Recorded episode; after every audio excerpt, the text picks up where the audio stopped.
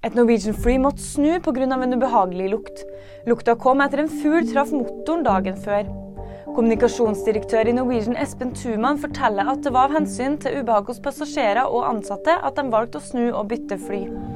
Hamas hevder at 700 personer ble drept på ett døgn på Gazastripa. Tallet er ikke bekrefta av uavhengige kilder. Talsmannen sier søndag at mange av dem døde ligger under bygningsrester. Redningsmannskapene har store problemer med å hente ut skadde og få brakt dem til sykehus. Erlend Bratland trekker seg fra juleturné. Grunnen er at han har blitt sykmeldt. En av dem han skulle på turné med, var Mia Gundersen, som var en del av juryen da han vant Norske Talenter. Hun sier at de andre skal gjøre sitt beste for å levere, selv om de er én i manko. Nyheter finner du alltid på VG.